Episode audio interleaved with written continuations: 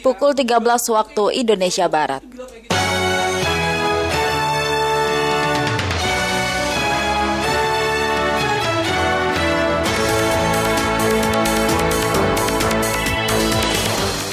Dari Medan Merdeka Barat 45 Jakarta, inilah Radio Republik Indonesia dengan Warta Berita. Peringatan Hari Kartini ke-144 tahun 2022 harus dimaknai sebagai era kebangkitan perempuan Indonesia. Kalau sekarang sudah mulai ramai mbak, sudah penuh rata-rata untuk yang ke Semarang, ke Jogja itu sudah mulai penuh.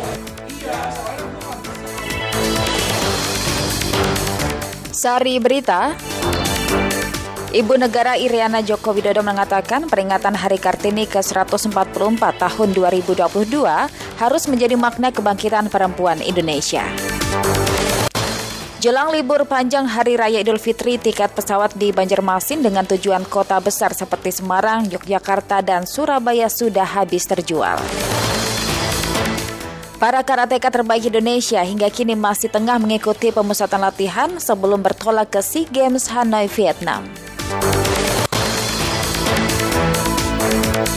Inilah warta berita selengkapnya pendengar untuk edisi hari Kamis di tanggal 21 April 2022. Saya Andila Kusuma.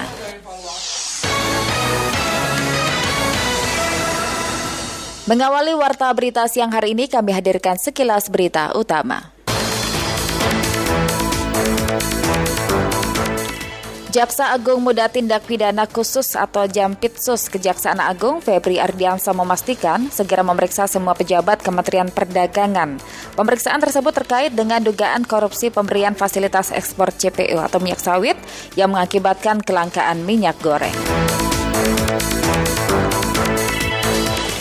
Terkuaknya skandal kong kali kong izin ekspor minyak goreng yang melibatkan Dirjen Perdagangan Luar Negeri, Kemendak, beserta dengan pimpinan beberapa perusahaan produsen migor layak disebut kejahatan korporasi. Sebab hal itu tersebut, maksud kami sebab hal tersebut tidak mungkin terjadi atas kemauan orang per orang. Karena itu anggota Komisi 7 DPR RI Mulyanto mendesak Kejaksaan Agung atau Kejagung jangan berhenti mengusut kasus ini hanya pada oknum-oknum petinggi perusahaan migor sebatas pribadi, tetapi lebih melihatnya sebagai representasi dari korporasi. Menteri Keuangan atau Menku Sri Mulyani Indrawati mengatakan G20 tetap menjaga kerjasama dan multilateralisme meski Menteri Keuangan Amerika Serikat hingga Inggris melakukan aksi walkout dalam pertemuan Menteri Keuangan dan Gubernur Bank Sentral kedua.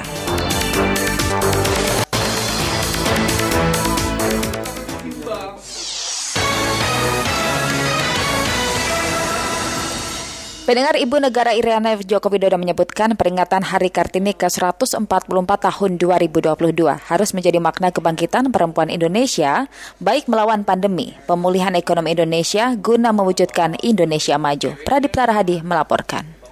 Uh, selamat Kartini untuk semua. Peringatan Hari Kartini ke-144 di tahun 2022 ini dilaksanakan secara virtual dari Istana Negara, Jakarta. Ibu Negara Iriana Joko Widodo bersama dengan Ibu Wuri Ma'ruf Amin dan para istri menteri yang tergabung dalam organisasi Aksi Solidaritas era Kabinet Indonesia Maju mengenakan pakaian kebaya kutu baru berwarna biru terang. Ibu Negara Iriana Joko Widodo menyebut peringatan Hari Kartini tahun ini harus menjadi makna kebangkitan perempuan Indonesia, baik melawan pandemi, pemulihan ekonomi, guna mewujudkan Indonesia maju.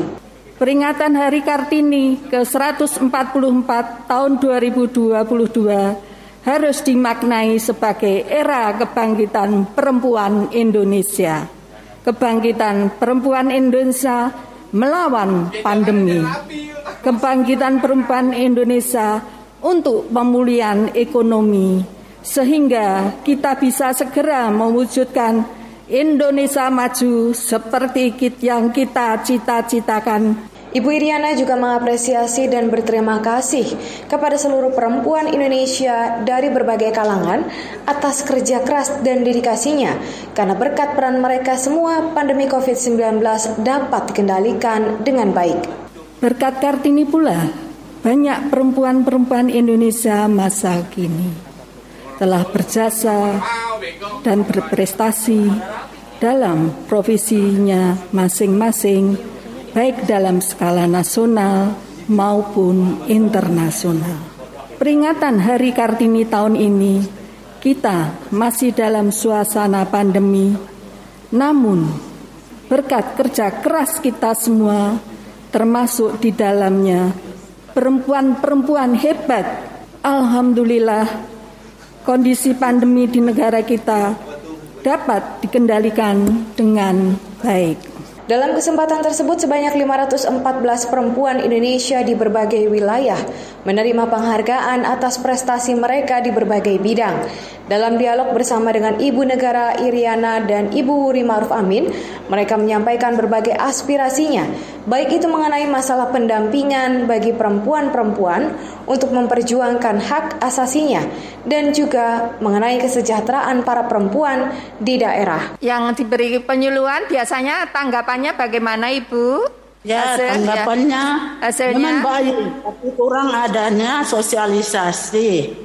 Jadi biasa saya lakukan sosialisasi di sekolah ya, lewat lembaga-lembaga PKK Dharma Wanita dan kegiatan masyarakat lainnya. Peringatan Hari Kartini ke-144 juga tentu mendapat perhatian Presiden Joko Widodo. Dalam unggahan di akun Instagramnya pada hari ini, Kepala Negara memberi ucapan sekaligus mengatakan bahwa di setiap zaman Indonesia selalu melahirkan perempuan-perempuan tangguh, berpengaruh, dan inspiratif. Peran dari perempuan-perempuan Indonesia di setiap zaman, menurut Presiden Jokowi selalu membuat bangsa Indonesia dapat tetap tegak dan melangkah maju. Dari Jakarta, Pradipta Rahadi, Pro 3 RRI. Perempuan dorong pertumbuhan ekonomi keluarga melalui UMKM. Perempuan memiliki peranan vital dalam membangun dan meningkatkan perekonomian keluarga. Dia Karisma Pendengar melaporkan selengkapnya ibu perempuan walaupun bukan belum menjadi ibu dan bersiap perempuan menjadi memiliki ibu, peranan vital dalam ya, membangun ya, dan meningkatkan uh, perekonomian keluarga. Terlebih lagi di masa pandemi COVID-19, peranannya bahkan bisa berkali-kali lipat. Tidak hanya mengerjakan tugas domestik, namun juga ikut mensupport ekonomi keluarga di tengah keterpurukan akibat pandemi COVID-19.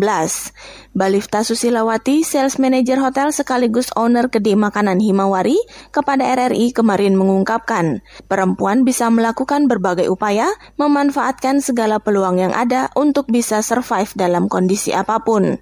Dalam kondisi saat ini, perempuan cenderung memanfaatkan peluang dengan berjualan agar bisa mendapatkan penghasilan tambahan. Sangat membantu sekali, bukan karena saya perempuan ya, tapi kalau saya lihat rata-rata dari lingkungan saya, perempuan itu memang sangat berperan dalam membantu ekonomi keluarga.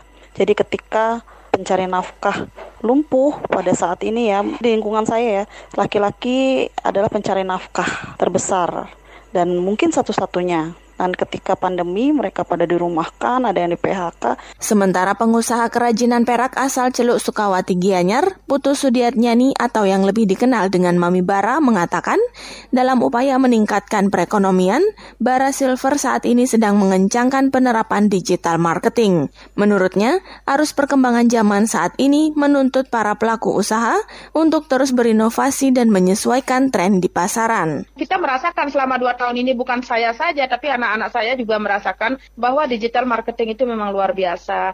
Harus sekarang ini memang harus kita uh, jalani gitu. Kalau memang digital marketing, why not kita uh, belajar sedikit demi sedikit tentang digital marketing dan uh, memang menggalakkan cinta produk uh, semeton Bali khususnya dan cinta buatan Indonesia pada umumnya gitu. Mami Bara menambahkan dalam rangka Hari Kartini tahun 2022 ini, Bara Silver bekerja sama dengan Bank Indonesia. Sebelumnya telah menggelar pelatihan dalam upaya melestarikan melestarikan tatahan perak asli. Kegiatan ini dilaksanakan dengan memberdayakan para wanita dan ibu-ibu karena sebelumnya pengerjaan tatahan perak ini diambil oleh kaum laki-laki. Kegiatan ini pun diakuinya sangat diminati oleh kaum perempuan karena tidak saja skill yang didapatkan, ke depannya juga bisa memberikan manfaat untuk menyokong ekonomi keluarga. Reporter RRI Denpasar, Dia Karisma melaporkan. Pendengar emansipasi perempuan telah mengantarkan banyak prestasi kepada polisi wanita atau poluan di berbagai kesatuan. Audi Kandores dari Manado melaporkan selengkapnya. Dari berbagai profesi, kepolisian memberikan banyak porsi untuk perempuan berkarir dan mencetak prestasi. Dalam setiap rekrutmen, prosentase polisi wanita atau polwan cukup mengembirakan, sama halnya dengan parpol yang mengakomodir 30 persen keterwakilan perempuan pada nomor urut caleg. Karenanya Sherly Mangelep sangat mengapresiasi perjuangan RA Kartini. Tanpa ide dan pengorbanannya, profesi polisi hanya jadi pengabdian kaum pria. Saat ini Sherly Mangelep bahkan memimpin satuan yang penuh tantangan, yaitu Satuan Polisi Lalu Lintas pada Polres Kota Mobagu sebagai kasat lantas. Badan Ajen Kartini itu bisa memberikan motivasi dan inspirasi bagi kaum perempuan. Beliau telah memperjuangkan emansipasi wanita yang sederajat yang bisa menduduki jabatan yang sama dengan kaum pria. Buah perjuangan Kartini berupa emansipasi perempuan menurut Mengelep harus mendapatkan respons dari perempuan itu sendiri berupa prestasi untuk pelayanan masyarakat. Ibtu Polisi Sherly Mengalip SHMH menyatakan, kendati emansipasi, wanita juga tidak boleh mengabaikan kodrat sebagai ibu dan mengasuh keluarga terutama anak-anak. Selain menduduki jabatan saya saat ini, saya juga harus bisa memanage waktu hmm. waktu saya antara tugas dan keluarga yeah. ya di mana pada saat jam bertugas hmm. kita harus melaksanakan tugas-tugas kita dengan baik dan di saat kita di rumah tentunya kita juga harus melakukan tugas dan pekerjaan kita sebagai ibu rumah tangga hmm. ya sehingga pekerjaan kita bisa berjalan dengan baik dan tugas-tugas rumah tangga kita juga bisa berjalan dengan baik ia yakin ke depan akan lebih banyak Kartini-Kartini masa kini berperan dalam pembangunan bangsa karena masa kegelapan telah sirna dan terang menerangi jalan perempuan Indonesia. Audi Kandores melaporkan.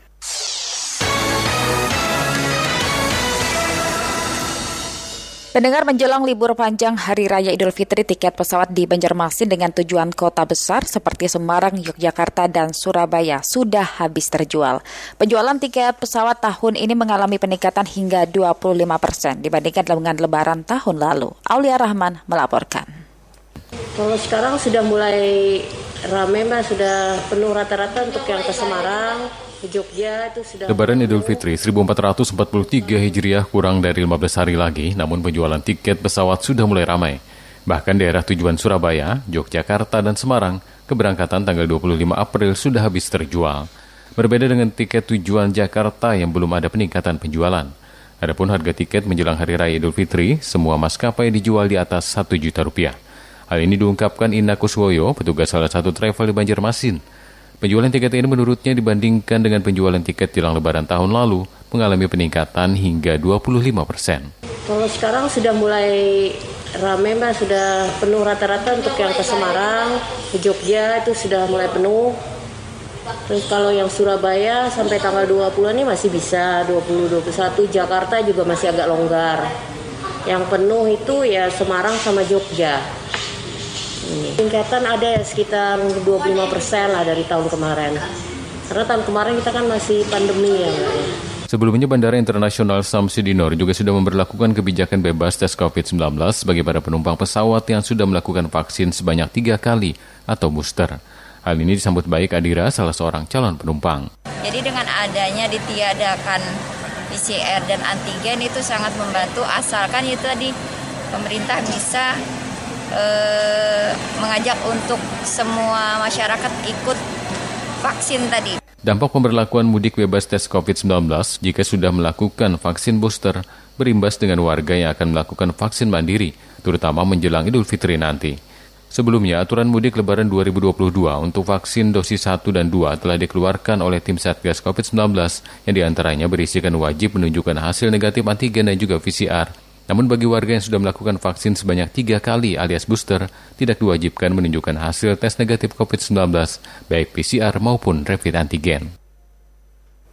Pemerintah Provinsi Sulawesi Tenggara akan menggelar pasar murah di kawasan Tugu, Persatuan Sulawesi Tenggara guna untuk mengantisipasi kelangkaan serta lonjakan harga bahan pokok di Kendari atau Raidi melaporkan pasar murah ya hmm. menghadapi lebaran. Yeah. Ini mengantisipasi daripada ke kemahalan harga. Mengantisipasi terjadinya lonjakan harga dan kelangkaan bahan pokok, Bapok saat jelang lebaran Idul Fitri 1443 Hijriah atau 2022 Masehi, pemerintah provinsi melalui Dinas Perindustrian dan Perdagangan Disperindak Sulawesi Tenggara membuka pasar murah di kawasan Tugu Persatuan Sulawesi Tenggara atau area XMTQ Nasional Kota Kendari pada 22 April 2022 2022. Kadis Perindak Sultra Siti Saleha mengatakan, operasi pasar yang digelar selama sepekan itu, pihaknya menyiapkan seribu paket untuk masyarakat yang datang berbelanja. Bagaimana ketersediaan stok itu sampai lebaran, sampai setelah lebaran itu tetap hmm. cukup tersedia. Bahkan harga-harga juga cukup uh, mulai stabil ya. Hmm. Bahkan ada seperti ada beberapa komoditi cabai itu turun karena saat ini kan panen. Di kesempatan itu, Siti Saleha juga ingatkan warga masyarakat dalam berbelanja agar bijak atau tidak tidak berbelanja berlebihan karena kebutuhan pokok selama Ramadan hingga Idul Fitri, stok bahan pokok dipastikan masih aman. Belanja lebih bijak, tidak usah tidak usah kita uh, terburu-buru untuk menimbun ya apa ketakutan tidak dapat komoditi produknya. Operasi pasar murah jelang lebaran Idul Fitri ini masyarakat akan mendapatkan satu paket yang berisi minyak goreng 2 liter, gula pasir 1 liter, tepung terigu 1 liter termasuk beberapa minuman sirup atau Coca-Cola.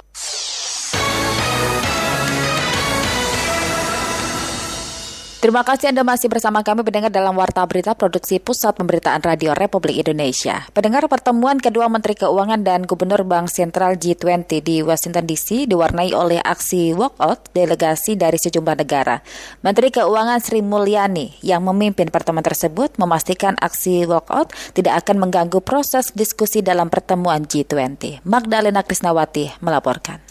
Sejumlah utusan dari negara Amerika Serikat, Kanada, dan Inggris termasuk Menteri Keuangan Amerika Serikat Janet Yellen melakukan aksi walkout saat perwakilan dari Rusia menyampaikan pandangannya dalam pertemuan kedua Menteri Keuangan dan Gubernur Bank Sentral G20 yang berlangsung di kantor pusat IMF di Washington DC pada Rabu waktu AS atau Kamis hari ini waktu Indonesia. Menanggapi aksi walkout tersebut, Menteri Keuangan Sri Mulyani Indrawati yang memimpin pertemuan mengatakan sudah memperkirakan berbagai skenario yang akan terjadi dalam proses pertemuan dan aksi walkout tersebut bukan sesuatu yang mengejutkan. We do understand there are some scenarios regarding first how G7 is going to respond of what uh, the Russia first attendance and when they are going to intervene. So in this case, this is not totally surprise to all of us, especially for us as a chair, and I think has been done without disrupting as well as uh, in this case uh, creating uh, a problem on our discussion which is related to the substance itself. Menteri Keuangan Sri Mulyani Indrawati memastikan sikap sejumlah negara yang menolak kehadiran Rusia tidak akan mengganggu proses pertemuan G20. Mayoritas negara, kata Menteri Keuangan, tetap memiliki komitmen pentingnya kolaborasi dan kerjasama, serta berpandangan bahwa G20 merupakan forum yang penting untuk mengatasi berbagai risiko ekonomi global yang dihadapi saat ini. Even though in this case that uh, there is a strong condemnation regarding uh, the war in Ukraine by Russia, but all members is actually underlying the need for us to be able to continue maintain G20 cooperation and the importance of multilateral multilateralism. I think this is well and widely recognized and expressed openly by all members. Why? Because I think G20 members see the responsibility of this group in order for us to be able to address the issue which is systematically important for the global economy. Perang Rusia-Ukraina yang masih berlanjut menjadi sorotan dalam pertemuan kedua jalur finansial G20 kali ini karena dampaknya pada perekonomian global yang sangat terasa. Mayoritas negara berharap perang segera dihentikan karena telah menimbulkan krisis kemanusiaan dan menghambat proses pemulihan ekonomi global. Magdalena Krisnawati, Pro 3 RRI.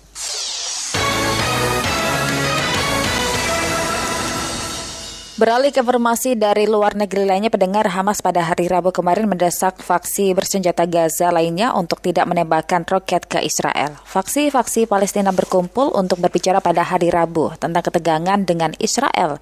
Menurut laporan dari Harazet, di tengah serangan berulang pasukan Israel terhadap para jemaah sholat di Masjid Al-Aqsa di Yerusalem Timur yang diduduki. Pimpinan Hamas di Gaza, Yahya Sinwar, mengatakan warga Palestina lain lain tidak boleh mengambil langkah-langkah sendiri seperti meluncurkan proyektil. Sinwar menggelar pertemuan tokoh-tokoh tingkat tinggi faksi Gaza lainnya di kantornya dan mendesak dialog antara berbagai kelompok bersenjata. Informasi yang dirilis ke publik terkait rapat ini terbatas kecuali komitmen untuk tetap siap seperti dikutip dari The New Arab pada Kamis hari ini.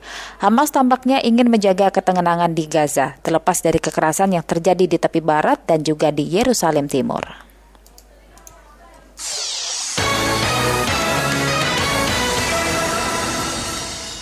Selanjutnya informasi dari dunia olahraga yang pertama adalah para karateka terbaik Indonesia hingga kini masih tengah mengikuti pemusatan latihan sebelum bertolak ke SEA Games Hanoi Vietnam dengan target 3 emas. Dari Bali pendengar ada Putu Nirawati melaporkan untuk Anda. Tới đỉnh cao vươn xa hơn hướng tới Total atlet karate yang kita akan berangkatan adalah 19 orang. Pelaksanaan pemusatan latihan nasional Pelatnas Karate menuju SEA Games dipastikan berjalan dengan baik. Latihan atlet pun semakin diintensifkan memanfaatkan sejumlah tempat dan fasilitas di seputaran Stadion Senayan Jakarta dan Hall Departemen Lingkungan Hidup. Bidang Pembinaan dan Prestasi Binpres Pengurus Besar PB Federasi Olahraga Karate Do Indonesia Forki Ardi Ganggas kepada RRI di Denpasar hari ini mengatakan dengan sisa waktu yang semakin mepet menuju SEA Games Vietnam, aspek pematangan taktik, strategi dan mental menjadi perhatian utama tim pelatih saat ini di samping terus menggenjot kualitas fisik karateka. Aspek-aspek yang diperhatikan saat ini adalah aspek-aspek pematangan, ya kan. Jadi semua aspek diperhatikan, tidak saja aspek fisik, taktik, strategi dan mental ini menjadi perhatian utama dari para pelatih. Pria yang juga Sekretaris Umum Sekum Pengprov Forki Bali itu mengungkapkan ada sejumlah evaluasi yang masih dilakukan pelatih. Evaluasi tersebut mengacu pada hasil kejuaraan Karate Asia Tenggara SIAKF Maret lalu. Berkaitan masalah teknis, kita lihat pada pertandingan terakhir ketika mengikuti uh, SEKAF kemarin. Dan ini sangat baik sekali untuk bisa mengetahui kekuatan pribadi dari masing-masing para atlet dan juga kita bisa mengetahui kondisi lawan hasil daripada si sekaf kemarin itu menjadi evaluasi yang sangat baik sekali buat pelatih sehingga bisa uh, mengevaluasi hal-hal yang kurang dan bisa mengoptimalkan potensi yang ada. Berbicara target, tim Karate Merah Putih mendapat beban tiga medali emas dalam ajang SEA Games Vietnam kali ini. Target tersebut dinilai cukup realistis mengingat pada ajang SIA KF, Timnas Karate Indonesia sukses mengantongi lima emas, tiga perak, dan enam perunggu. Sedangkan pada ajang SEA Games Vietnam nanti, Timnas Merah Putih berkekuatan 19 karateka dikawal tujuh orang pelatih dan akan turun pada 15 nomor pertandingan. Reporter RRI dan Pasar Putu Nirawati melaporkan.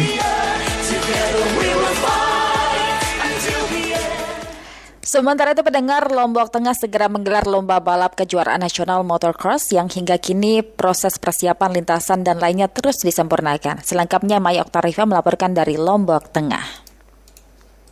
Adapun yang sama sekali belum dimulai dikerjakan berupa tribun serta pedok di sirkuit tersebut. Lintasan utama sirkuit motocross di Desa Lantan, Kecamatan Batu Kliang Utara, Kabupaten Lombok Tengah, tuntas dibangun dan siap digunakan sebagai venue kejuaraan nasional motocross 6 November 2022 mendatang. Kepala Desa Lantan lalu Erwandi mengatakan, Adapun infrastruktur lainnya seperti pedok, tribun, dan tempat parkir akan dikerjakan dalam waktu dekat. Ia mengaku tim dari Dinas PUPR Lombok Tengah dan panitia penyelenggara rutin melakukan koordinasi sejauh mana progres pengerjaan. Selain itu, hal tersebut juga semakin diinsentifkan pihaknya agar pembangunan infrastruktur sesuai dengan standar yang telah ditentukan. Jadi, progres pengerjaan lintasan sirkuit motor cross 459 Desa Lantan jadi baru mencapai 70 persen. Artinya masih ada sisa yang masih belum terlaksana. Adapun yang sama sekali belum uh, dimulai dikerjakan berupa uh, areal parkir dan tribun serta pedok untuk uh, menunjang uh, pembangunan yang ada di sirkuit tersebut. Terpisah Bupati Lombok Tengah lalu Fatul Pahri menyebutkan, Pengerjaan lintasan sirkuit motocross sepanjang 1,4 km tersebut diproyeksikan menyerap ribuan orang tenaga kerja lokal, sehingga akan berdampak besar terhadap ekonomi masyarakat. Atas hal ini, pihaknya mengklaim pembangunan sirkuit motocross penting dilakukan selain sebagai upaya menciptakan sport tourism di Lombok Tengah, namun juga upaya menyeimbangkan pembangunan antara wilayah selatan dan utara Lombok Tengah. Di wilayah bagian selatan ada sirkuit Mandalika, sedangkan di wilayah bagian utara ada sirkuit motocross Desa Lantan. Karena event ini insya Allah kalau tidak ada aral melintang akan kita laksanakan di bulan November, minggu pertama atau kedua. Ya, kalau tidak ada aral melintang. Nah maka persiapan-persiapannya harus dilakukan. Dari mana anggarannya? Jangan ditanya. Hah? Jangan ditanya anggarannya dari mana. Itikadnya dan nawa itu seluruh aparatur sipil negara Lombok Tengah berkarya untuk membangun ini untuk kemaslahatan masyarakat. Ia mengatakan saat ini sudah ada beberapa pembalap yang sudah melakukan tes atau uji coba trek sirkuit, sedangkan penonton sendiri diperkirakan akan mencapai 20 ribu orang.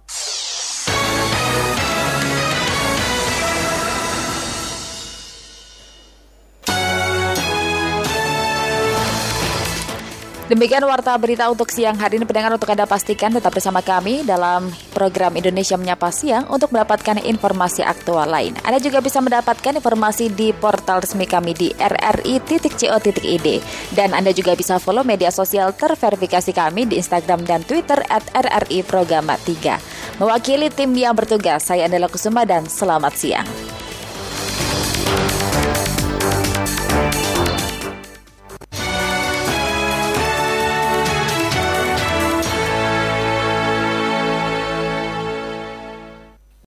Pukul 19 waktu Indonesia Barat.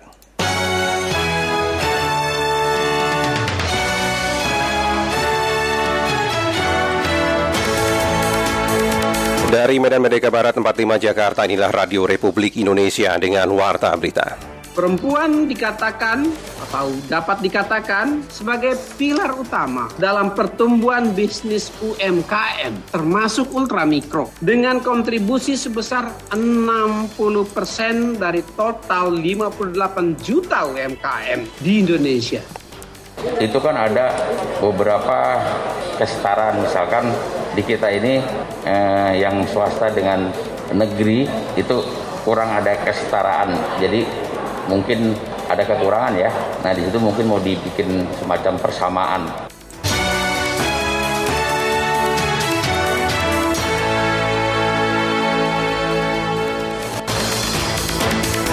Sari berita Menteri Komunikasi dan Informatika menyebut perempuan menjadi pilar utama pada sektor UMKM. DPRD DKI Jakarta secara resmi telah membentuk panitia khusus atau pansus pendidikan. Pertemuan kedua Menteri Keuangan dan Gubernur Bank Sentral G20 di Washington DC menegaskan kembali tantangan yang makin berat dalam proses pemulihan ekonomi global. Inilah warta berita selengkapnya Kamis 21 April 2022 bersama saya Zaini.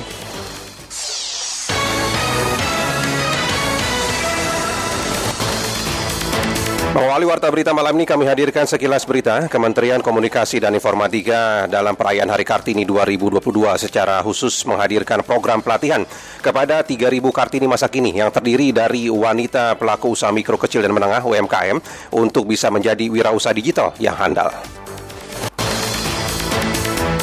Sebanyak 15 perwakilan demo mahasiswa memasuki gedung DPR MPR dan DPD RI Jakarta Pusat untuk menyampaikan poin tuntutan kepada wakil rakyat di gedung parlemen pada Kamis ini. Mereka merupakan perwakilan dari mahasiswa, elemen masa buruh, dan juga masa lainnya. Menteri Keuangan Sri Mulyani Indrawati menyatakan para anggota G20 dalam pertemuan Menteri Keuangan dan Gubernur Bank Sentral G20 kedua menyerukan agar perang antara Rusia dan Ukraina segera dihentikan.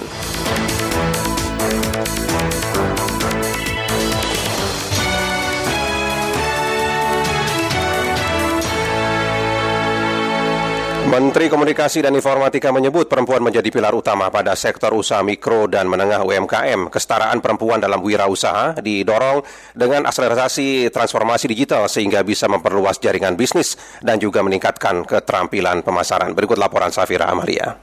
Selamat Hari Kartini untuk seluruh perempuan di Indonesia. Jadilah Dian Seiring akselerasi transformasi digital pada sektor usaha mikro, kecil, dan menengah UMKM, peluang perempuan berpartisipasi dalam dunia kerja sebagai wirausaha digital semakin terbuka lebar. Menteri Komunikasi dan Informatika Johnny G. Plate dalam webinar Kartini Day Women in Digital Entrepreneurship Kamis 21 April 2022 mengatakan, partisipasi Kartini muda saat ini tidak terlepas dari inspirasi peran dan perjuangan Raden Ajeng Kartini, salah satunya sebagai pilar pertumbuhan UMKM di Indonesia solusi atas ketidakpuasan banyak perempuan terhadap dunia kerja reguler dengan menawarkan kesetaraan peluang pria dan wanita, laki-laki dan perempuan. Perempuan dikatakan atau dapat dikatakan sebagai pilar utama dalam pertumbuhan bisnis UMKM termasuk ultramikro dengan kontribusi sebesar 60% dari total 58 juta UMKM di Indonesia. Mengutip survei Google pada tahun 2020 berjudul Advancing Women in Entrepreneurship, Joni menyatakan tingkat partisipasi perempuan Indonesia di bidang kewirausahaan paling tinggi di Asia Tenggara. Meski demikian, wirausaha perempuan masih menghadapi tantangan berkaitan dengan jaringan bisnis dan kebutuhan peningkatan keterampilan pemasaran. Untuk itu, pihaknya mendorong transformasi digital. UMKM perlu melakukan survival innovation dalam aspek produk, proses produksi, dan layanan. Misalnya dengan mengoptimalkan saluran online untuk pemasaran produk-produknya. Peluang perempuan untuk berwirausaha semakin besar setelah adanya payung hukum melalui peraturan Presiden nomor 2 tahun 2022 tentang pengembangan wirausaha nasional. Hal ini sebagaimana disampaikan oleh Deputi Bidang Koordinasi Peningkatan Kualitas Anak, Perempuan, dan Pemuda Kemenko PMK, Femi Kartika Eka Putri. Di sana betul-betul dibuka tentang wirausaha perempuan ya dan dipayungi oleh peraturan Presiden jadi memberikan akses kepada wirausaha perempuan untuk meningkatkan diharapkan bagi perempuan untuk berwirausaha syariah, kemudian berkontribusi kepada kegiatan ekonomi dan tentu saja untuk kesejahteraan keluarganya. UMKM sebagai penyumbang produk domestik bruto PDB nasional berperan penting dalam pemulihan dan pemantapan ekonomi Indonesia. Pada tahun 2021 jumlah UMKM di Indonesia mencapai lebih dari 64 juta dengan persentase kontribusi terhadap PDB mencapai 61,97 persen. UMKM juga dinilai mampu menyerap jumlah tenaga kerja yang sangat signifikan secara nasional. Sehingga demikian UMKM perlu didukung untuk dapat bertahan, beradaptasi, dan dapat berkembang di masa pandemi COVID-19. Dari Jakarta, Safir Amalia Pro 3, RRI. Aktivis perempuan Jawa Timur menilai kesetaraan perempuan di Indonesia masih belum merata dan ini menjadi salah satu mimpi ke-Indonesiaan. Berikut laporan Abdul Wahab dari Surabaya. Peringatan Hari Kartini ke-144 hari ini diharapkan mampu memberikan pencerahan dan juga mewujudkan mimpi-mimpi yang diinginkan oleh para perempuan di Indonesia. Peneliti dan aktivis perlindungan perempuan dan anak Kota Surabaya, Lucy Dia Hendrawati menuturkan, kesetaraan perempuan dengan laki-laki sampai saat ini belum merata. Perempuan di Indonesia, kata Lucy, mempunyai mimpi untuk dapat setara dalam aktivitas kehidupan dan sosial yang meliputi pendidikan, pekerjaan, dan aspek kehidupan yang lainnya. Mimpi perempuan Indonesia adalah mimpi Ibu Kartini, mimpi kita perempuan bersama, yaitu yang ingin mewujudkan kesetaraan. Jadi bagaimana perempuan Indonesia ini e, bisa setara, baik setara dengan laki-laki, baik di bidang pendidikan, pekerjaan, dan bidang-bidang yang lainnya mendobrak ketidakadilan yang selama ini menurut pengamatan saya masih banyak perempuan Indonesia yang dinomorduakan, baik dalam mencapai cita-citanya maupun menggapai harapannya di banyak tempat perempuan itu masih mendapat perlakuan nomor dua. Jadi mimpi Kartini, mimpi kami sebagai pendidik masih belum mencapai meskipun sudah banyak kemajuannya. Lucy menambahkan, sudah saatnya para perempuan Indonesia meneruskan cita-cita Kartini yang menjadikan pendidikan salah satu tumpuan dalam mengejar kesetaraan. Hal ini penting dilakukan agar posisi perempuan di Indonesia tidak lagi dinomor duakan. Abdul Wahab melaporkan. Sementara itu DPR DKI Jakarta secara resmi telah membentuk panitia khusus atau pansus pendidikan untuk memperbaiki kualitas pendidikan. Berikut laporan Alfred Uter.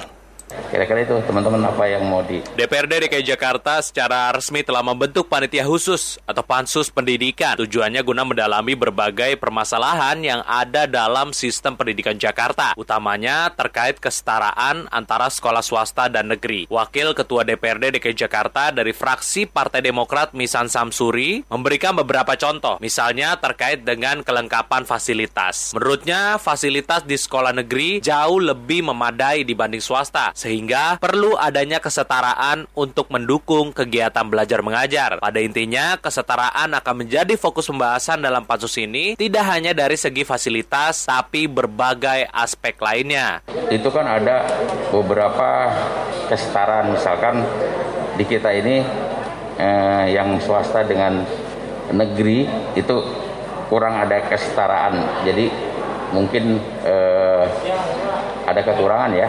Nah di situ mungkin mau dibikin semacam persamaan. Sementara itu, Wakil Gubernur Jakarta Ahmad Riza Patria memastikan ke depan tidak hanya sekolah negeri saja yang akan dapat perhatian dari pemerintah, tapi juga sekolah swasta. Menurutnya, keadaan sejumlah sekolah swasta berada di atas rata-rata. Namun memang ia tak menampik bahwa tak sedikit juga sekolah swasta yang kualitasnya di bawah sekolah negeri. Juga tadi terkait pendidikan sudah sampaikan Pak Wakil Ketua Kamisan bahwa ke depan ya.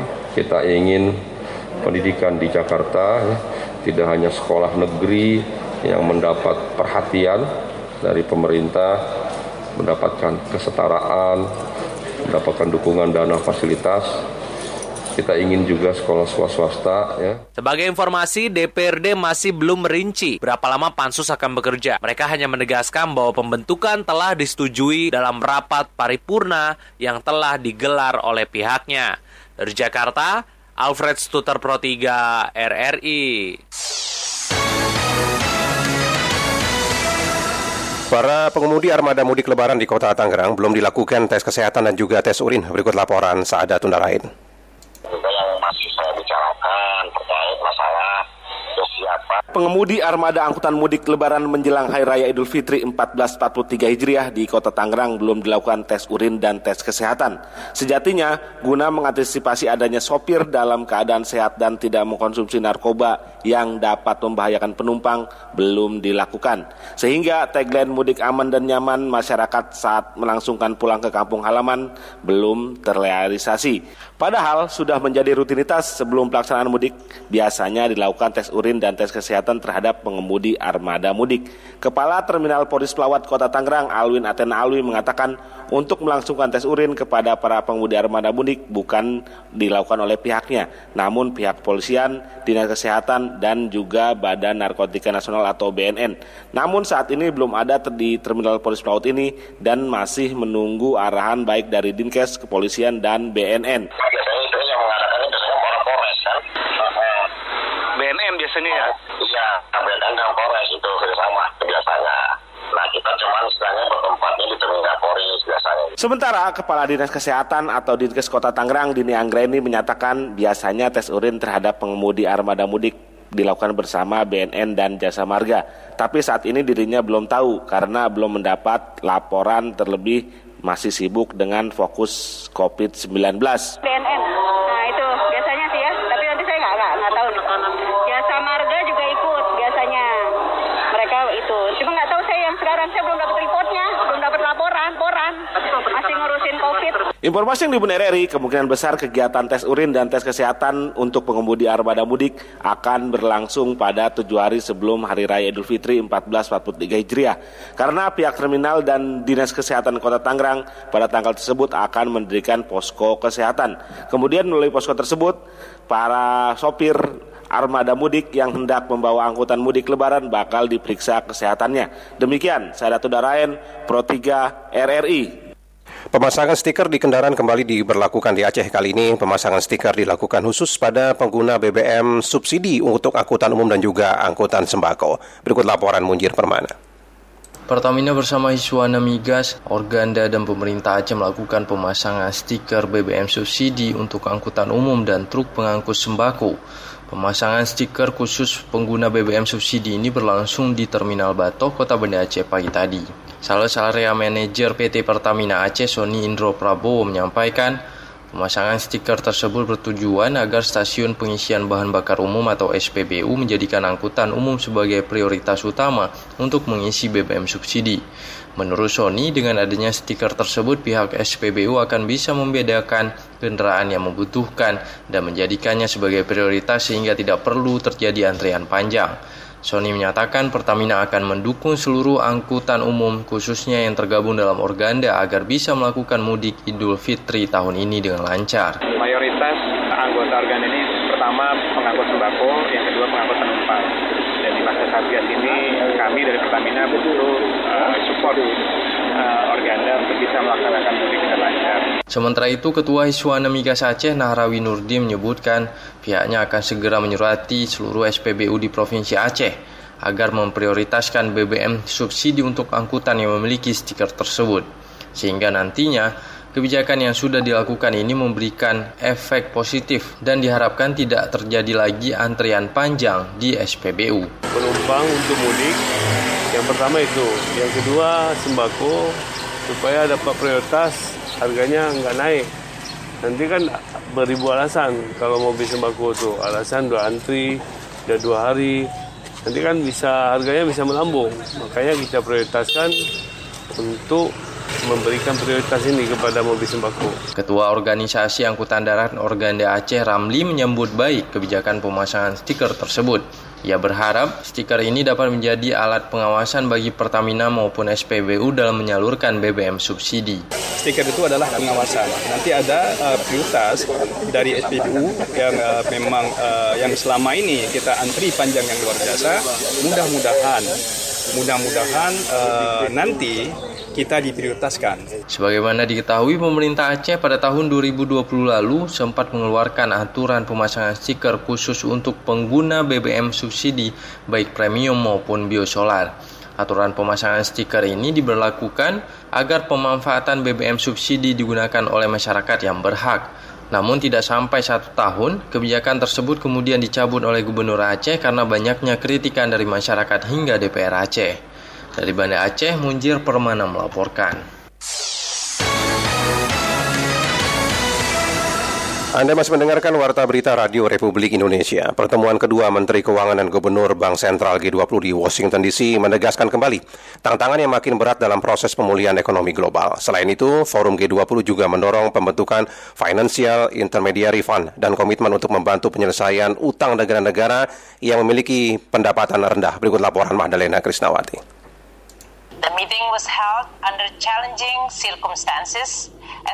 Menteri Keuangan Sri Mulyani Indrawati mengatakan pertemuan kedua Menteri Keuangan dan Gubernur Bank Sentral G20 berlangsung di tengah situasi yang menantang akibat konflik geopolitik Rusia dan Ukraina yang membuat proses pemulihan ekonomi global semakin berat. Dalam pertemuan yang dilakukan di kantor pusat IMF di Washington DC itu, negara-negara G20 menyampaikan pandangannya bahwa G20 harus merespon konflik geopolitik yang terjadi dan pada saat yang sama harus memantapkan komitmennya guna memulihkan perekonomian agar tumbuh lebih kuat dan merata. Members also supported the adaptation of the existing Negara-negara G20 juga mendukung adopsi berbagai agenda yang sudah ada agar G20 dapat merespon dampak perang pada perekonomian dan pada saat yang sama membangun komitmen untuk menangani tantangan global agar perekonomian dunia kembali tumbuh berkelanjutan, kuat, inklusif, dan seimbang. Dunia saat ini masih dihadapkan pada situasi pandemi yang belum usai gangguan rantai suplai, perang yang memicu kenaikan harga energi dan pangan, serta laju inflasi yang tinggi sehingga proses pemulihan ekonomi kembali melambat. Sehingga diperlukan kerjasama dan kolaborasi untuk keluar dari situasi krisis dengan melakukan kalibrasi, perencanaan, dan komunikasi yang terus-menerus antara negara-negara anggota G20. Lebih lanjut, Menteri Keuangan Sri Mulyani Indrawati mengatakan dalam pertemuan kedua Menteri Keuangan dan Gubernur Bank Sentral G20, Forum G20 juga mendorong Bank Dunia untuk segera membentuk Financial Intermediary Fund sebagai mekanisme pembiayaan baru guna mengatasi kesenjangan pendanaan dalam kesiapsiagaan menghadapi pandemi di masa depan. The presidency concluded Presidensi menyimpulkan bahwa Bank Dunia harus mulai mengeksplor pembentukan FIF. Isu lainnya yang juga menjadi pembahasan penting dalam pertemuan adalah upaya membantu negara berpendapatan rendah dan rentan dalam menyelesaikan pembayaran utang negaranya. Gubernur Bank Indonesia Peri Warjio mengatakan forum G20 menekankan pentingnya mitigasi yang tepat dalam penanganan utang negara Chad serta pembentukan komite kredit untuk negara Zambia. Members, Negara anggota menantikan waktu yang tepat untuk menyepakati penanganan utang untuk negara Chad dan dibentuknya komite kredit untuk negara Zambia.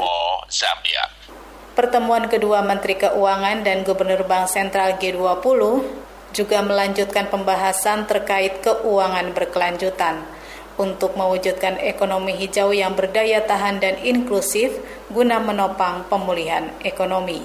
Magdalena Krisnawati, Pro 3 RRI. Duta Besar Federasi Rusia untuk Indonesia, Luitmila Forovieva mengatakan bahwa suasana pada bulan suci Ramadan dan Hari Raya Idul Fitri di Indonesia terasa begitu hangat. Suasana ini merupakan pengalaman yang menyenangkan dan dia menyatakan bahwa perayaan hari-hari besar keagamaan menjadi cerminan tingkat toleransi tinggi masyarakat Indonesia. Dia juga menyampaikan pernyataan tersebut dalam acara buka puasa bersama yang digelar Kedutaan Besar Rusia di Jakarta bersama dengan sejumlah media di Jakarta pada Rabu malam.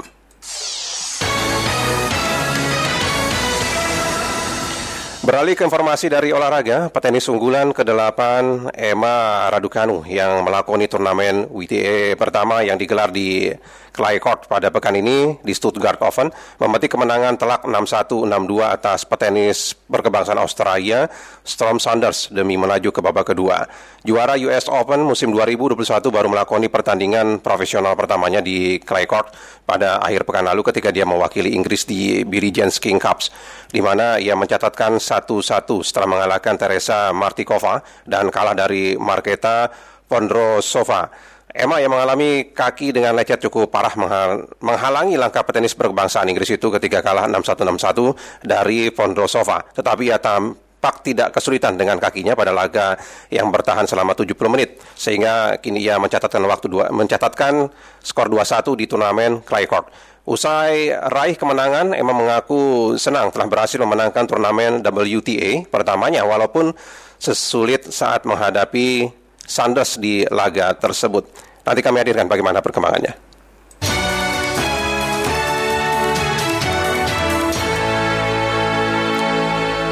Fokus pada kebugaran dan juga penanganan cedera atlet KONI Pusat Gandeng Perusahaan Farmasi Taiso Pharmaceutical untuk bekerja sama menjaga performa para atlet nasional. Bagaimana informasi selengkapnya? Berikut disampaikan Niar Abdul Iteloli.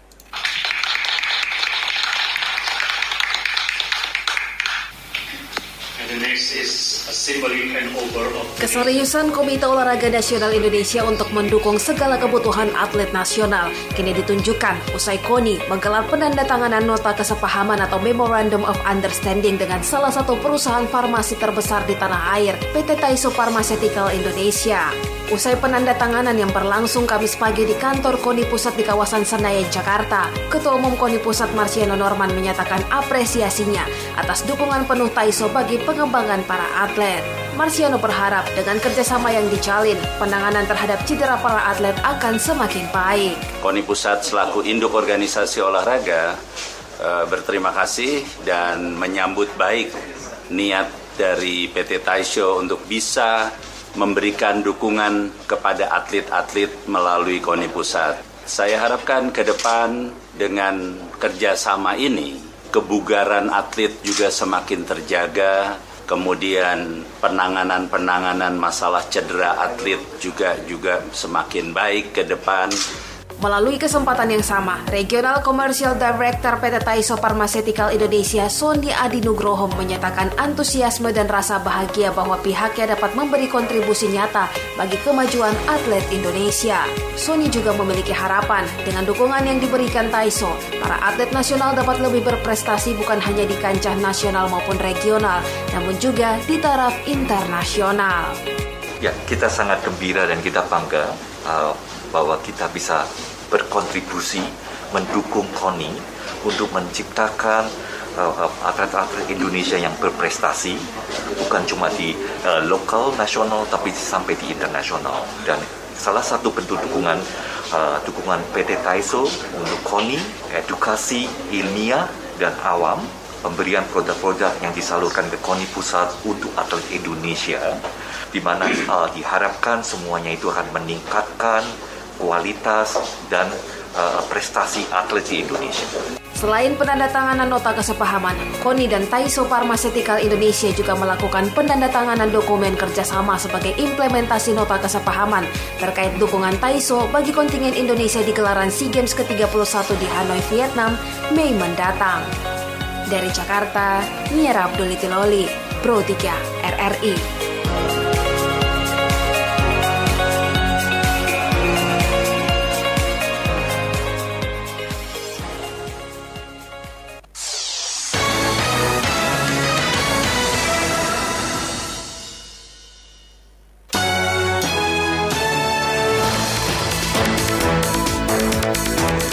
Selepas ini kami akan menghadirkan kembali Indonesia Menyapa Malam. Dapatkan juga beragam informasi aktual dari portal resmi kami di www.rri.co.id serta ikuti media sosial terverifikasi kami di Instagram dan juga di Twitter at RRI Programa 3. Saya Zeni.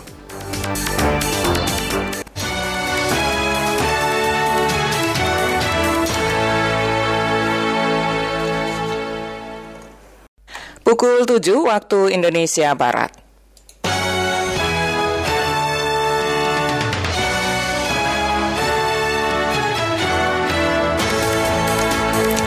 Dari Medan Merdeka Barat 45 Jakarta inilah Radio Republik Indonesia dengan Warta Berita.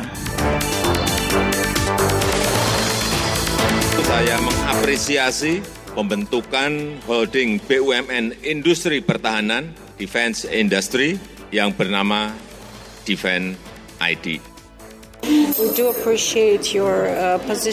Kami menghargai posisi pemerintah Anda bahwa G20 harus fokus pada masalah ekonomi dan keuangan global. Uh, uh, Sari berita, Presiden Joko Widodo berharap program strategis holding badan usaha milik negara BUMN Industri Pertahanan bernama Defense ID menjadi lompatan transformasi industri pertahanan Indonesia. Duta Besar Rusia di Jakarta, Lyudmila Vorobieva, memastikan Rusia mendukung sepenuhnya presidensi G20 Indonesia. Timnas renang Indonesia menargetkan 6 hingga 7 medali emas dapat diraih pada gelaran SEA Games ke-31 di Hanoi, Vietnam. Inilah wata berita selengkapnya Kamis 21 April 2022 bersama saya, Desi Natalia.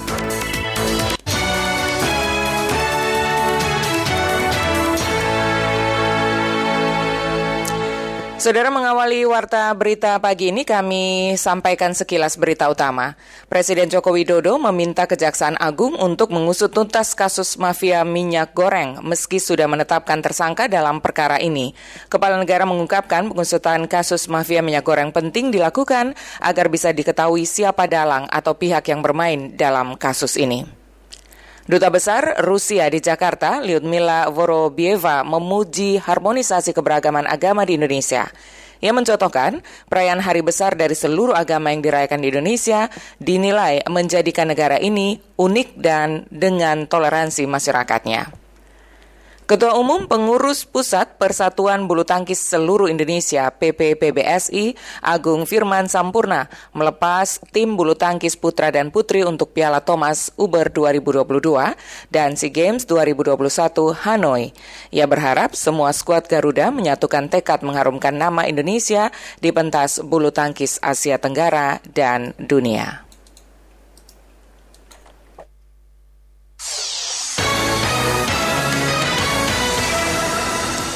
Presiden Joko Widodo berharap program strategi holding badan usaha milik negara BUMN di industri pertahanan bernama Diven ID menjadi lompatan transformasi industri pertahanan Indonesia. Kepala negara juga ingin lompatan transformasi tersebut berjalan seiring dengan membangun ekosistem industri pertahanan yang kuat dan juga modern. Pradipta hadir berikut melaporkan. Dan dengan mengucap Bismillahirrahmanirrahim, holding dan program strategis Holding badan usaha milik negara BUMN bernama Defense Industry Indonesia atau Defense ID telah resmi diluncurkan Presiden Joko Widodo pada Rabu 20 April 2022. Presiden menyebut dirinya sudah lama menunggu realisasi holding BUMN Defense ID tersebut. Dalam kesempatan itu Presiden berharap program strategis Defense ID menjadi lompatan transformasi industri pertahanan Indonesia.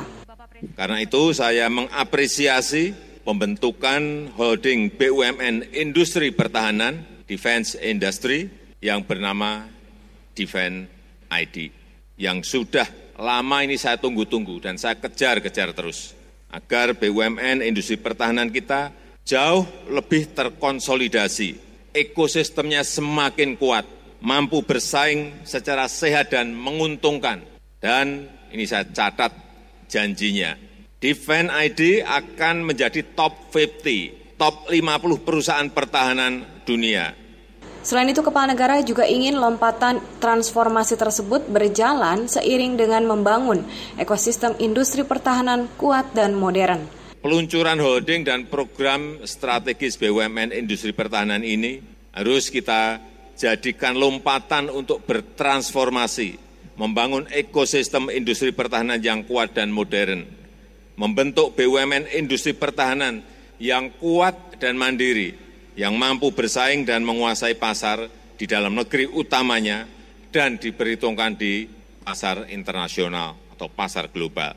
Sementara itu Menteri Pertahanan Prabowo Subianto menyampaikan Holding BUMN Defense ID diharapkan dapat menjadi solusi mempercepat kemandirian industri pertahanan Indonesia. Ia juga berjanji kepada Presiden Jokowi untuk menjadikan industri pertahanan Indonesia masuk dalam jajaran 50 besar di dunia pada tahun 2024. Dengan adanya Defense ID ini diharapkan bisa menjadi solusi untuk mempercepat kemandirian industri pertahanan Indonesia dalam memenuhi kebutuhan alutsista dalam negeri, baik dari segi kuantitas sumber daya manusia maupun kualitas teknologinya. Selain meresmikan holding BUMN Define ID, Presiden Jokowi juga turut menyaksikan penandatanganan sejumlah nota kesepahaman antara Menteri Pertahanan Prabowo Subianto dan Menteri BUMN Erick Thohir demi memajukan holding BUMN Define ID. Sejumlah penandatanganan kerjasama di antaranya antara Kementerian Pertahanan dengan PT Land Industri terkait pengadaan 13 unit radar GCI Ground Control Intercept, lalu ada pula pengadaan amunisi kaliber kecil antara PT Pindad dengan Kemenhan serta penandatanganan kontrak MRO terkait peningkatan kemampuan serta modernisasi kapal perang TNI Angkatan Laut sebanyak 41 unit yang merupakan kerjasama PT PAL Indonesia dengan Kemenhan yang bernilai 1,1 miliar US dollar. Demikian Pradita Rahadi, Pro 3 RRI. Pendengar ada cara unik yang dilakukan dalam memperingati Hari Kartini 21 April 2022 ini. Salah satunya di Pasar Beringharjo. Sebanyak 40 buruh gendong berbusana kebaya bak pragawati profesional memperagakan busananya di Selasar Beringharjo Timur. Selengkapnya dilaporkan reporter Dian Parwanto. Ibu-ibu semua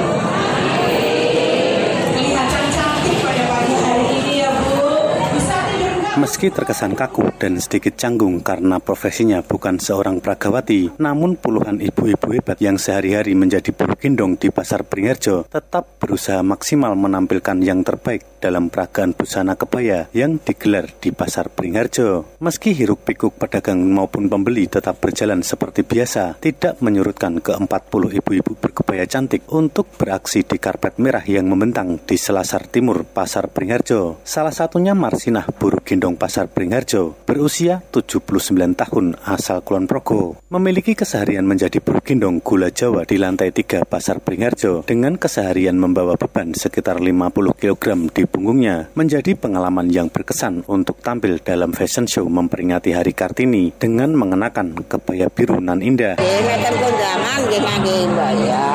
Raosipun ngeten iki?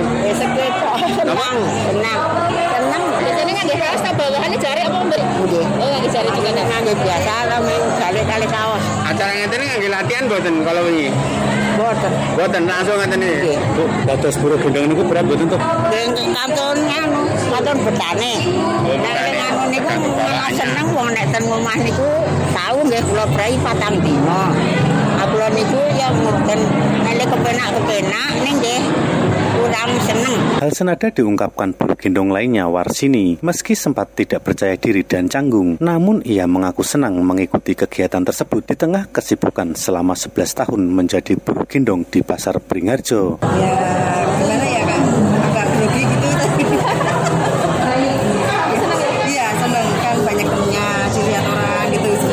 Sementara itu, Ketua Perempuan Berkebaya Yogyakarta, Margareta Tinuk Suhartini mengharapkan melalui gelaran fashion show pakaian kebaya dapat memberikan semangat masyarakat lain akan perjuangan Kartini dan memberikan pengalaman yang menyenangkan bagi para buruh gendong. Kami sengaja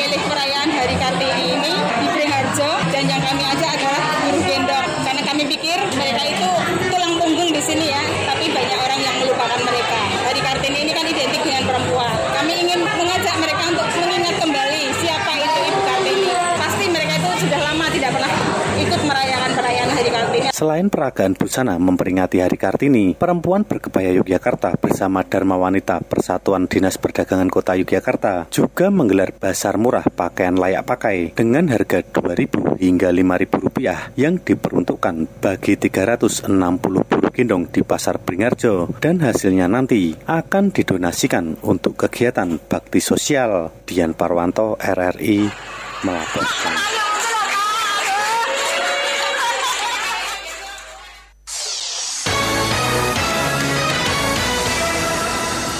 Memperingati Hari Kartini, hari ini 21 April, pengamat sejarah STKIP Yayasan Abdi Pendidikan Payakumbuh Dedi Asmara meminta peran wanita di masa kini dan masa depan mampu berkiprah di berbagai bidang kehidupan demi kemajuan bangsa dan bernegara Indonesia. Laporan reporter Sali Dela Putri. Perempuan sekarang ini sebagai terbaik bangsa. Memperingati Hari Kartini setiap tanggal 21 April, bangsa Indonesia kembali dibawa untuk mengenang momen bersejarah sesosok Raden Ajeng Kartini di masa lampau. Pengamat sejarah Stekip Yayasan Abdi Pendidikan Payakumbuh Dedi Asmara menyebutkan, dari hari ke hari, tidak sedikit aktivitas wanita yang dulu tidak bisa dikerjakan, masa kini sudah mulai dijajaki wanita. Artinya, sudah banyak perempuan mampu menjadi seorang pemimpin dari berbagai bidang pekerjaan, mulai dari bidang politik hingga ke kelompok organisasi tingkat daerah. Dedi menilai sosok Kartini masa kini mesti melahirkan bibit-bibit unggul lewat kegiatan yang positif demi kemajuan bangsa akan datang. Hal itu dikarenakan semakin bertambahnya usia negara, tentu para wanita dituntut dapat menguasai berbagai bidang kehidupan, terutama dalam mengendalikan perkembangan teknologi. Tentunya seorang wanita juga tidak lupa akan kiprah sebagai ibu di dalam keluarga. Ambil hikmahnya semangat dari Kartini ini perempuan Minangkabau pada zaman dulu tidak hanya menulis, ada suku menggopo umpamanya itu mereka berjuang secara fisik melawan pasukan Belanda. Ada ibu-ibu pada masa revolusi kemerdekaan Sumatera Barat tahun 45 sampai 50 itu, itu mereka rela memberikan emasnya itu membeli pesawat terbang namanya pesawat terbang F-1 itu diserahkan kepada negara. Jadi eh, banyak hal yang bisa kita petik dari peristiwa masa lampau. Termasuk pada masa revolusi kemerdekaan juga ada namanya kiprah perempuan itu pasukan Sabil Muslimat. Ini pasukan perempuan yang berjuang di front pertempuran itu melawan pasukan Belanda. Mereka mengangkat senjata di medan-medan pertempuran. Mereka masuk hutan keluar hutan melakukan penyerangan terhadap pasukan Belanda. Itu luar biasa juga. Selain itu juga kiprah perempuan itu bekerja sebagai dapur umum pada masa perjuangan kemerdekaan Republik Indonesia. Dedi berharap peringatan Hari Kartini tidak dirayakan hanya sebatas secara simbolis dengan mengingat jasanya, namun juga bagaimana mengimplementasikan nilai Hari Kartini dalam kehidupan sehari-hari agar tidak sirna dilekang oleh waktu. Salidela Putri melaporkan. Terima kasih Anda masih mendengarkan Warta Berita Produksi Radio Republik Indonesia. Menteri Pemberdayaan Perempuan dan Perlindungan Anak PPPA Bintang Puspa Yoga mengatakan budaya patriarki yang masih langgeng di masyarakat menjadi PR yang mesti diselesaikan dalam momentum peringatan Hari Kartini. Informasi tersebut kami hadirkan dalam sesi laporan khusus Pro 3 disampaikan Alfred Stuter. Laporan khusus Laporan khusus. Budaya patriarki yang masih langgeng di masyarakat merupakan akar masalah Kesetaraan posisi perempuan di berbagai aspek kehidupan tampaknya masih belum tercapai maksimal. Padahal sudah sepatasnya perempuan mendapatkan kesempatan yang sama seperti yang dicita-citakan oleh Raden Ajeng Ayu Kartini atau yang lebih akrab disapa Ibu Kita Kartini. Menteri Pemberdayaan Perempuan dan Perlindungan Anak PPPA Bintang Puspayoga mengatakan budaya patriarki yang masih langgeng di masyarakat merupakan akar masalah ketidaksetaraan yang dialami oleh perempuan sehingga proses-proses pengambilan keputusan belum semuanya berperspektif gender dan terkadang membuat kebutuhan perempuan kerap tak terakomodir. Tentu ini menjadi tugas kita bersama untuk menghapuskan berbagai bentuk diskriminasi dan kesenjangan gender bagi perempuan di dunia kerja. Data BPS pada Agustus 2021 lalu menyebutkan tingkat partisipasi Angkatan Kerja Perempuan Indonesia sebesar 53,34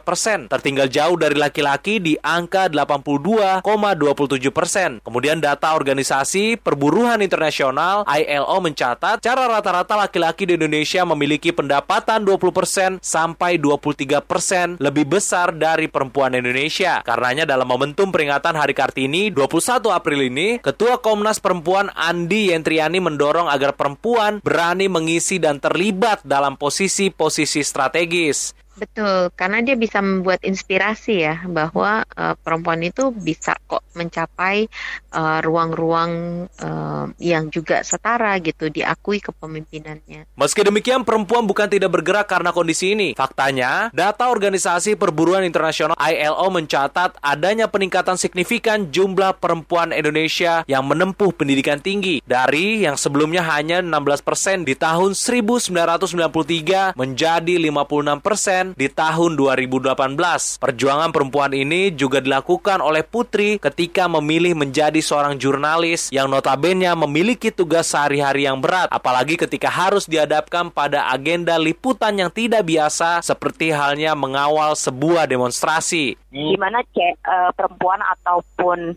uh, laki-laki uh, tidak ada pembedaan kita bisa maju apa yang kita inginkan atau kita cita-citakan bisa tercapai namun memang banyak tantangan dan rintangan yang harus kita hadapi begitu. Di sisi lain, Putri berharap agar setiap perusahaan lebih peduli lagi dengan hak-hak perempuan, seperti kesempatan karir yang setara dengan laki-laki hingga toleransi ketika perempuan dalam masa haid. Dari Jakarta, Alfred Stuter Pro 3 RRI. Komentar RRI pagi ini pendengar menyoroti tentang momentum Hari Kartini ke-144 tahun. Spirit pembangunan di segala sektor mengedepankan prinsip kesetaraan dan upaya-upaya pengarustamaan gender. Namun sebelumnya pendengar kami hadirkan komentar dari masyarakat yang berharap momentum Hari Kartini ini memperkuat kesetaraan perempuan di berbagai aspek. Selamat Hari Kartini, perempuan harus terus mau maju. Pesan saya di Hari Kartini, perempuan harus setara di berbagai sektor. Saya harap di momentum Hari Kartini ini, pemerintah lebih mengakomodir lagi kepentingan-kepentingan perempuan, hak-hak perempuan.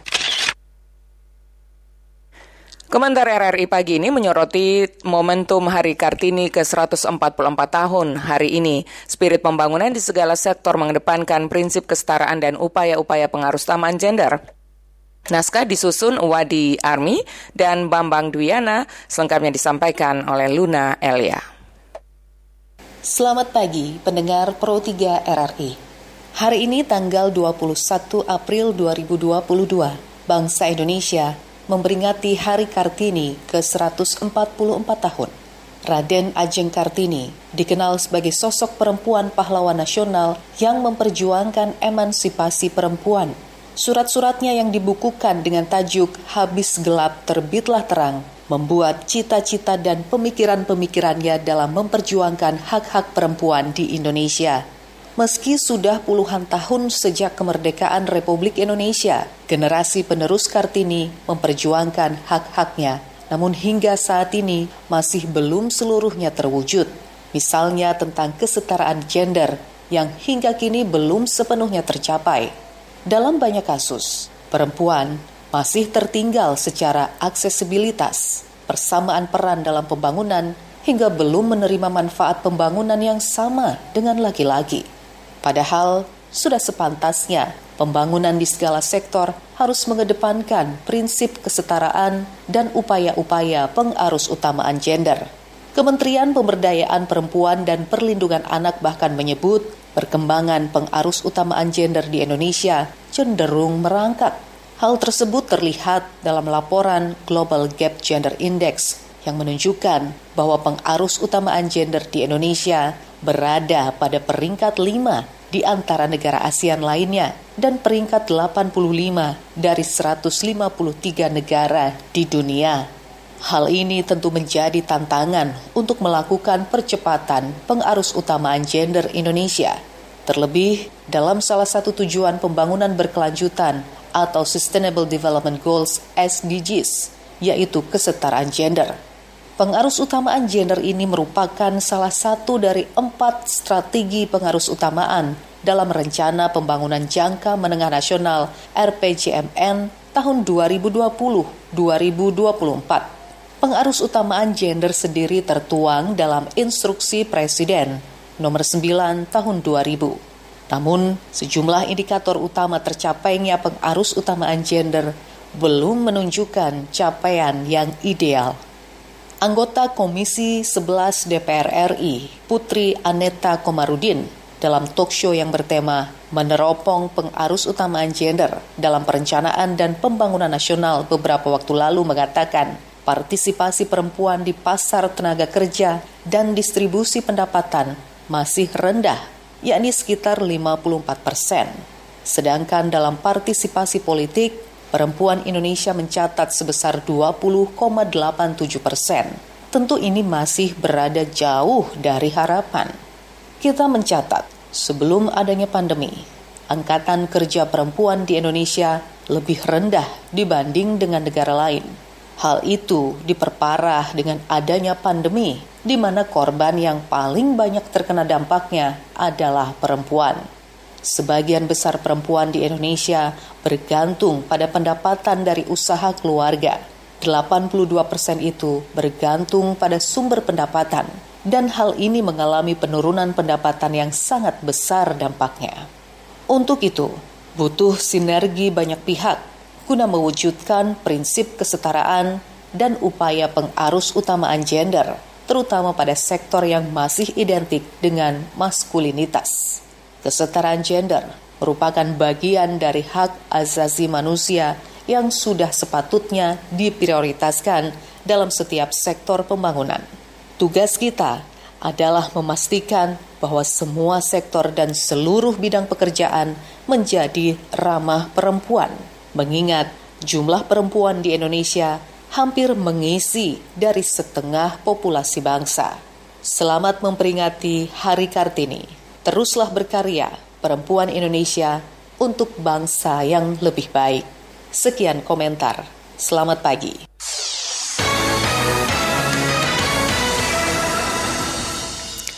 Berita dari luar negeri, Duta Besar Rusia di Jakarta, Lyudmila Vorobieva, memastikan Rusia mendukung sepenuhnya presidensi G20 Indonesia, terutama terkait prioritas Indonesia untuk tetap menjadikan G20 fokus pada masalah ekonomi dan keuangan global. Berikut laporan Retno Mandasari selengkapnya.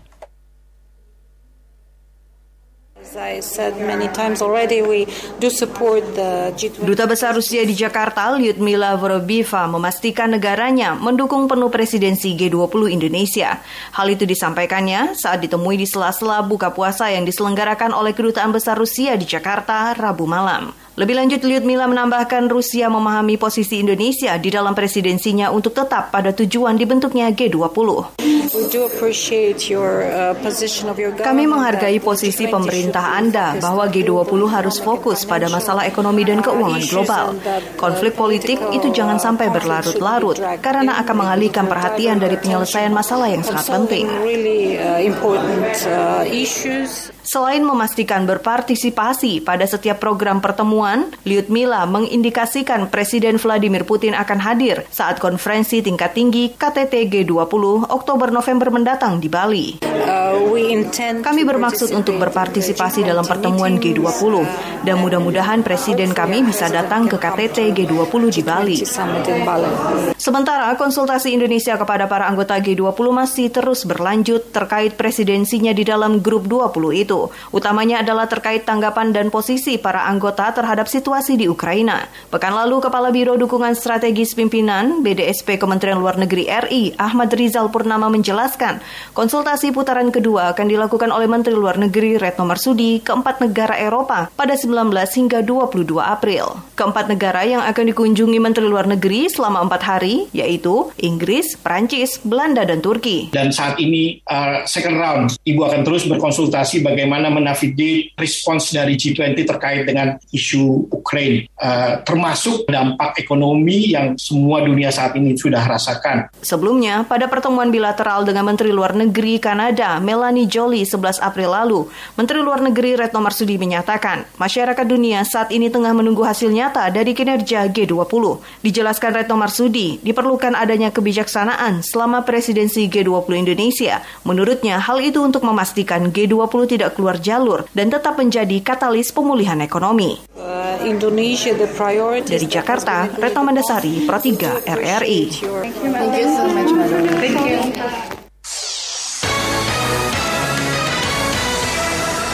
Kita ke berita olahraga, Timnas Renang Indonesia menargetkan 6 hingga 7 medali emas dapat diraih pada gelaran SEA Games ke-31 di Hanoi, Vietnam. Niar Abdul menyampaikan laporannya.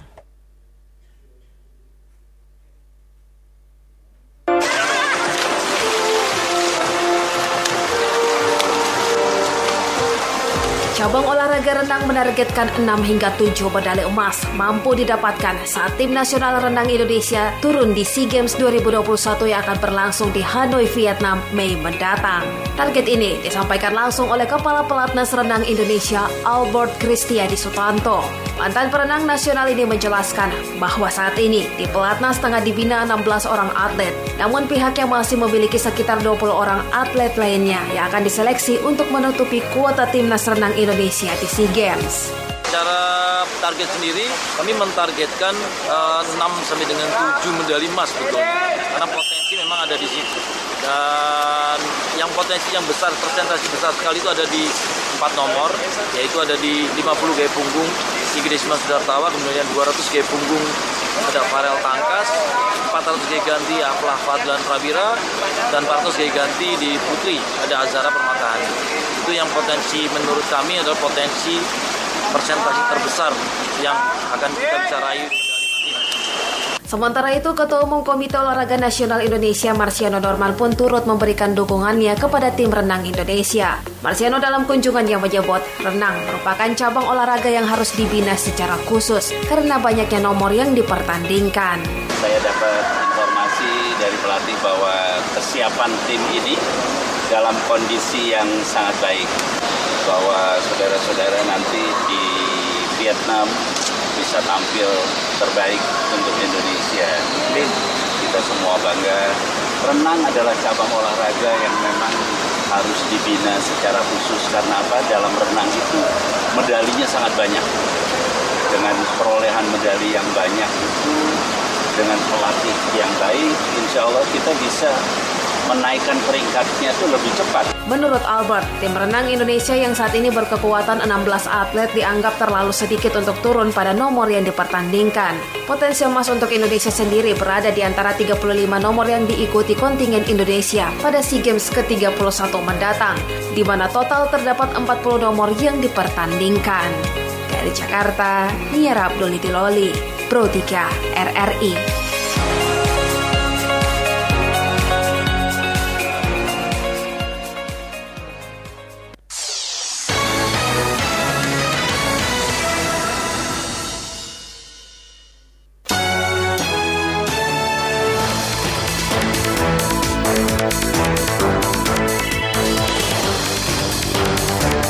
Saudara demikian warta berita pagi ini kami harap Anda tetap bersama kami untuk menyimak informasi aktual lainnya dalam program Indonesia Menyapa Pagi. Dapatkan juga informasi aktual dalam portal resmi kami rri.co.id dan ikuti juga media sosial terverifikasi kami di Twitter dan Instagram at RRI Programa 3.